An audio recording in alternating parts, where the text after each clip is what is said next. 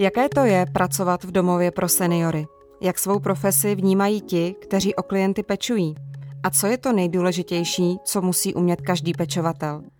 Vítejte u pátého dílu podcastové série Hořím, která vedle příběhů pečujících lidí přináší také manuál praktických rad, jak se připravit na stáří a postarat se důstojně o své blízké.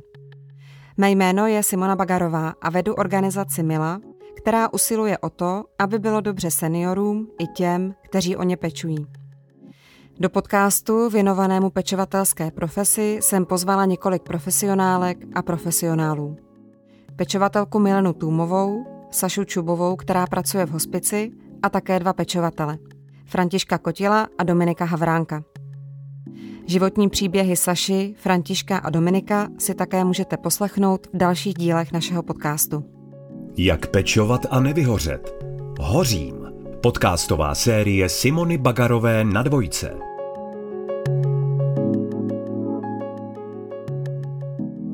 Většinu profesionální péče v České republice vykonávají ženy ve středním věku. Velká část z nich se pro tuto profesní dráhu rozhodne ve chvíli, kdy má s péčí osobní zkušenost. Podobně to bylo i u Mileny. Začala jako dobrovolnice u klienta z ALS, později se věnovala vozíčkářům a následně absolvovala rekvalifikační kurz pracovníka v přímé péči. V rámci praxe se dostala do domova seniorů, kde rovnou dostala nabídku na stálou práci. Dnes je pečovatelkou desátým rokem. Co je podle jejího názoru podstatou pečovatelské profese?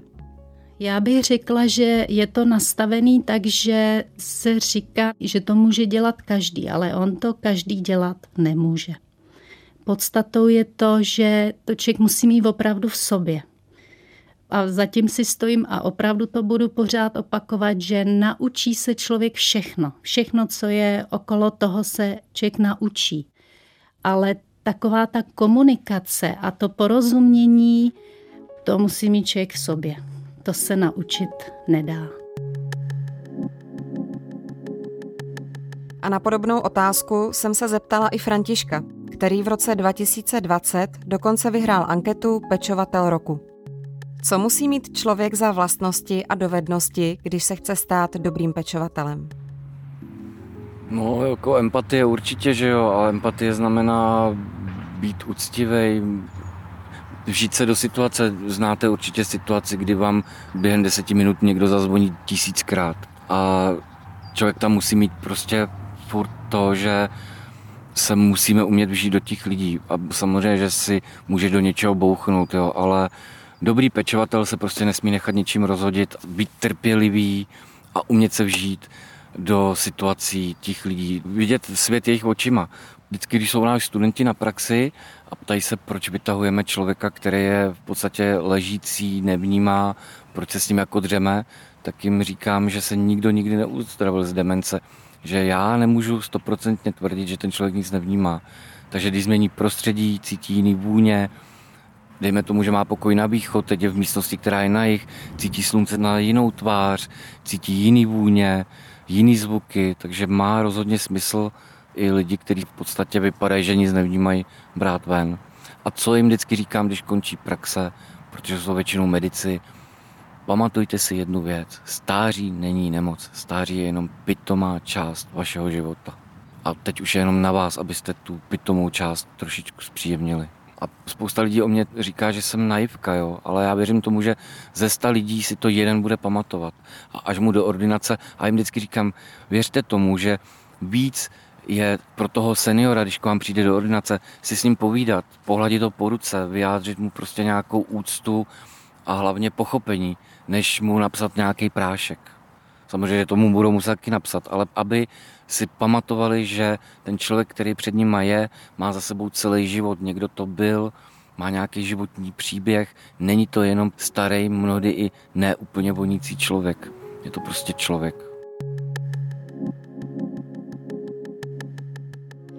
Pečovatelská profese je krásná, ale taky nesmírně náročná. Jak říká Karolína Půtová z naší organizace Mila, když nastane situace, že předávám svou mámu do péče zařízení pro seniory, mám na ty pečující ty největší nároky. Chci víc, než sama můžu nabídnout, protože sama už to nedávám. Naše vysoké nároky jsou pochopitelné, ale nastavené podmínky pro práci pečujících jim neodpovídají. Ten rozpor mezi vnímáním té profese a tím, co po těch lidech chceme, je obrovský. Většina z nás si to, jak těžká pečovatelská profese je, dokáže představit až ve chvíli, kdy jim téma péče vstoupí do života. Jedna z nejdůležitějších věcí je to, aby rodina a pečovatel byli rovnocenými partnery, kteří spolu otevřeně komunikují a vědí, že mají stejný cíl. Dát člověku, o kterého je pečováno pocit, že žije a nejen přežívá. Eh, jak ty lidi jsou s náma dlouho, ty rodiny nás znají a většinou nás berou.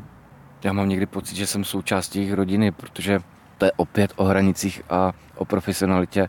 Určitě by mi to někdo vyčet a vyčte, ale já jsem s těma rodinama v kontaktu i potom. Ne s každou, ale někdo kontaktuje mě sám, jako já je nekontaktuju, ale stává se mi, že mi na Vánoce přijde SMS, že mi přejou lidi, kteří tam měli maminku před třemi lety, nebo že mi napíšou fando, přijďte na kafe. Jo, tak jako uzavírám to i tím, že jdu na pohřeb tím lidem, protože tu možnost mám od té rodiny. Někdy je pro rodinu ale složité přijmout fakt, že jeho babička, táta nebo kdokoliv blízký už nezvládne to, co dřív a že je nutné začít hledat sociální službu, která s péčí pomůže. Někdy to chování těch rodin, z toho jsem někdy taková trošičku jako smutná. Zase na druhou stranu chápu, že to špatný svědomí tam je, že se nedokážou postarat, proto možná jsou takové reakce. Já, když teda mám možnost, tak se snažím vysvětlit to, že to není vůbec žádná hamba ani ostuda, že naopak je lepší, když ten blízký jde takhle někam do toho domova, než aby byl sám doma, žiju v nějakých strašných podmínkách. I když většinu péče spojené se sebeobsluhou přebírají v domově seniorů nebo domově se zvláštním režimem profesionální pečovatelé, to nejpodstatnější má v rukou stále a jen rodina. Rodina, která ví, co měl jejich blízký rád, jaké měl rituály a co mu vždycky udělalo radost. Je důležité hledat cesty, jak mu tyhle radosti zprostředkovat i teď, když už si je sám dopřát nemůže. Dobrá péče zkrátka stojí na každodenních detailech a maličkostech. Často říkám, že bez dobré péče ve stáří nedostanete ani kafe do svého oblíbeného hrnku. Jak je to důležité vám dojde ve chvíli, kdy si to svoje kafe už nezvládnete uvařit sami. Jak to vypadá, když se oblíbený rituál podaří přenést do domova seniorů nebo na hospicové lůžko, přibližuje Saša. V hospici, kde pracuje, se jí sestra jedné pacientky přišla zeptat, co může udělat pro svou nemocnou sestru, aby jí v hospici bylo dobře. Ona už ani neví pořádně kam jde, ale já bych chtěla, abych, jako když tady přijde, aby tady měla něco tak svého, tak co jí tu můžu vzít. A já je říkám, víte co, tak nezapomeňte na tu její vůni, ať jí to v tom pokoji voní, to, co ona zná, tak, tak ona vzala její parfém a stříkala ho po cestě až do toho pokoje, aby sestra, jak půjde na ten pokoj, vnímala to, co v tu chvíli ještě mohla vnímat, protože ona opravdu nevěděla, kde je. Ona už ani nepoznávala úplně ty obličeje ale tu vůni do poslední chvíle jako ještě poznávala, takže mně to přišlo, že to má smysl vlastně těm lidem tady ty maličkosti připomínat, že vám to přijde takové, no jasně, já budu ještě parfénem tady vonit jako nějaký pokoj a přitom je to tak důležité, no. Podobný přístup je důležitý pro všechny strany. Pro rodinu, která někdy, jak zmínila Milena, trpí výčitkami z toho, že péči nezvládla, i pro toho, kdo se například do domova seniorů stěhuje. Zvykat si na nové prostředí není vůbec nic snadného. Jak prožívání svých klientů vnímá právě Milena? No, jsou smutný. Vemte si to, že třeba přijde paní nebo pán 90 let a začíná znovu. Začíná vlastně od začátku mezi cizíma lidma. My se tam střídáme, na nás si musí zvyknout. No pak největší teda problém byl ten covid, že jo, teď ještě jsme měli ty respirátory, tak nám koukali jenom oči, takže jsme mluvili hlavně očima. A já si vzpomínám jedna paní, která mi říkala, že je hrozně ráda, že, ale tý jsem věřila, že je hrozně ráda, protože měla opravdu doma problém, kdy upadla a ležela na té zemi dva dny, protože rodina byla mimo Prahu, vyprávěla mi telefon na stole, mobil a to a ležela tam dva dny, tak říkala, že je strašně ráda, že ví, že kdyby se něco stalo, tak si tady může zazvonit a vždycky někdo přijde. Někdo to znáší hůř, někdo líp. Takový ty, co se s tím nechtějí moc srovnat, tak to víte, jsou nepříjemný. No, jsou nepříjemný, hledají na všem mouchy, no ale zase člověk musí být profík a nějak to ustát. Člověk ať leží nebo ať sedí, je to úplně jedno, ale brát ho opravdu jako svýho rovnýho a nechovat se k němu z pozice prostě toho pečovatele, že mám něco jako navrh, když on je na mě závislý. Tak to není, protože ten člověk, i když třeba teď nemůže, tak mi zase dává úplně nějakou jinou tu hodnotu. Ale mít úctu úctu, opravdu k tomu stáří mít úctu.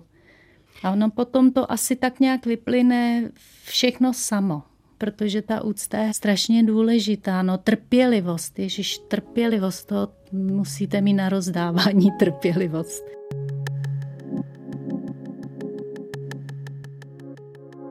Trpělivosti na rozdávání má i Dominik, který pracuje převážně s lidmi s demencí s lidmi, kteří se v důsledku své nemoci někdy brání péči nebo mají tendence z místa, kde žijí, odcházet.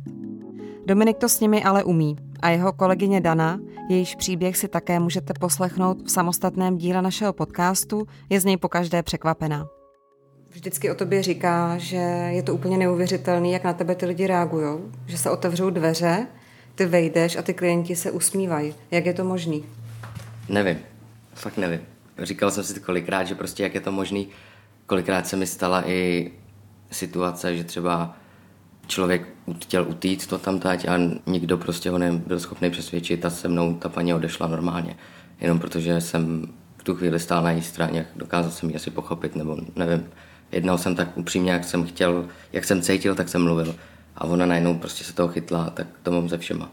Ty mluvíš o tom, jak se k těm klientům chováš vlastně přirozeně a upřímně. Když jim chceš udělat třeba radost a potěšit je, když vidíš, že jsou nějaký smutný nebo něco trápí, jak tohle to řešíš? To je právě strašně individuální. Právě proto, jak je to ode mě aspoň upřímný, tak je to individuální. Někdo má rád, když ho člověk nechá prostě o samotě, dopřeje mu ten klid. A někdo zase má rád, když ho vezmu za ruku a jdem se projít prostě tak. A když to prostě pak už nejde, tak se musí nějakým způsobem najít nějaký kompromis. No. Nebo já jsem třeba i jedný paní pouštěl ve sprše Elvise, protože ho měla ráda. Když vidím, jak skvěle s klienty pracuje Dominik nebo František, přemýšlím, proč je v pečovatelské profesi tak málo mužů. Předpoklady pro tuhle práci mají mnozí z nich stejné jako ženy. Proč je jich v oboru tak málo? Těžko říct, nevím, jestli ty chlapy prostě nedokážou tolik vytěsňovat ty věci, co ty ženský.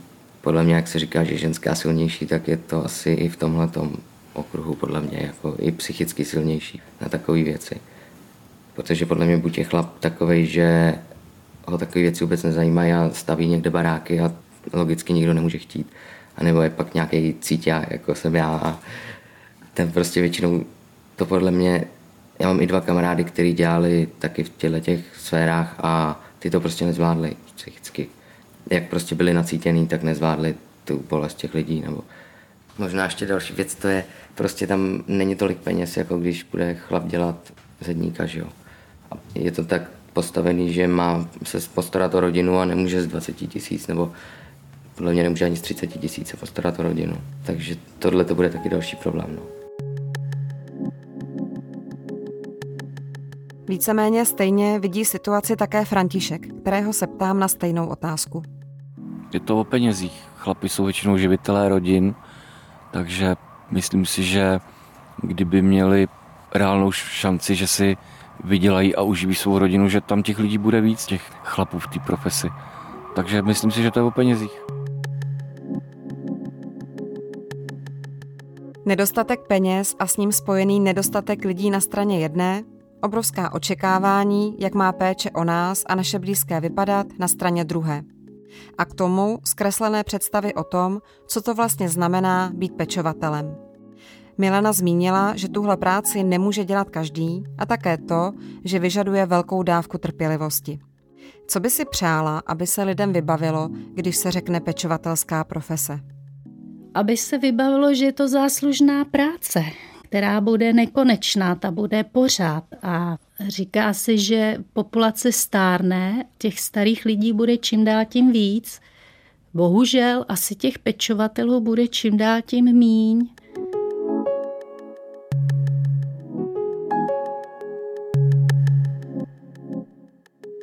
Ráda bych třeba i tímhle podcastem přispěla k tomu, aby se slova Mileny nenaplnila. Slyšeli jste pátý díl podcastové série Hořím, ve kterém jsme se věnovali tomu, jaké to je být pečovatelem. Doufám, že vám tahle série pomůže lépe pochopit, jak péči o seniory vnímají ti, kdo se o ně starají. Jaké jsou jejich motivace, radosti, ale i problémy a těžkosti, na které naráží. I v této epizodě podcastu Hořím pro vás máme tři závěrečné typy. Tentokrát jsou to ale spíše tři nejdůležitější věci, které by měl každý z nás mít o pečovatelské profesi na paměti. Za prvé, pečovatelství je vůbec tou největší službou, které je člověk vůči druhému schopen. Za druhé, vy i pečovatel máte stejný cíl, aby člověk závislý na péči měl co nejdéle pocit, že žije a nejen přežívá. Za třetí, pokud chceme pro sebe a své blízké kvalitní a důstojnou péči, musíme dát dobré podmínky těm, kteří ji vykonávají. Díky, že posloucháte podcastovou sérii Hořím a doufám, že vám prvních pět dílů pomůže s řešením konkrétních situací ve vaší rodině. A že třeba také získáte nový úhel pohledu na pečovatelskou profesi. O tom, jaký jsou lidé, kteří profesionálně pečují, co je k práci s lidmi ve vysokém věku přivedlo, co mají na péči o druhé rádi a jak jejich náročná práce zasahuje do jejich života, je dalších pět dílů naší série.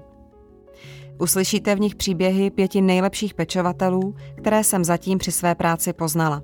Dany, Saši, Jany, Františka a Dominika.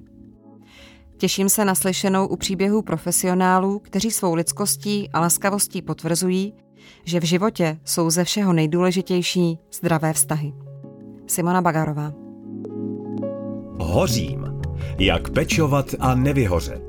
Rozhovory s výjimečnými pečovateli a manuál praktických rad, jak se dobře postarat o své blízké. Podcastovou sérii Hořím poslouchejte na webu Dvojky, na můj rozhlas a v dalších podcastových aplikacích.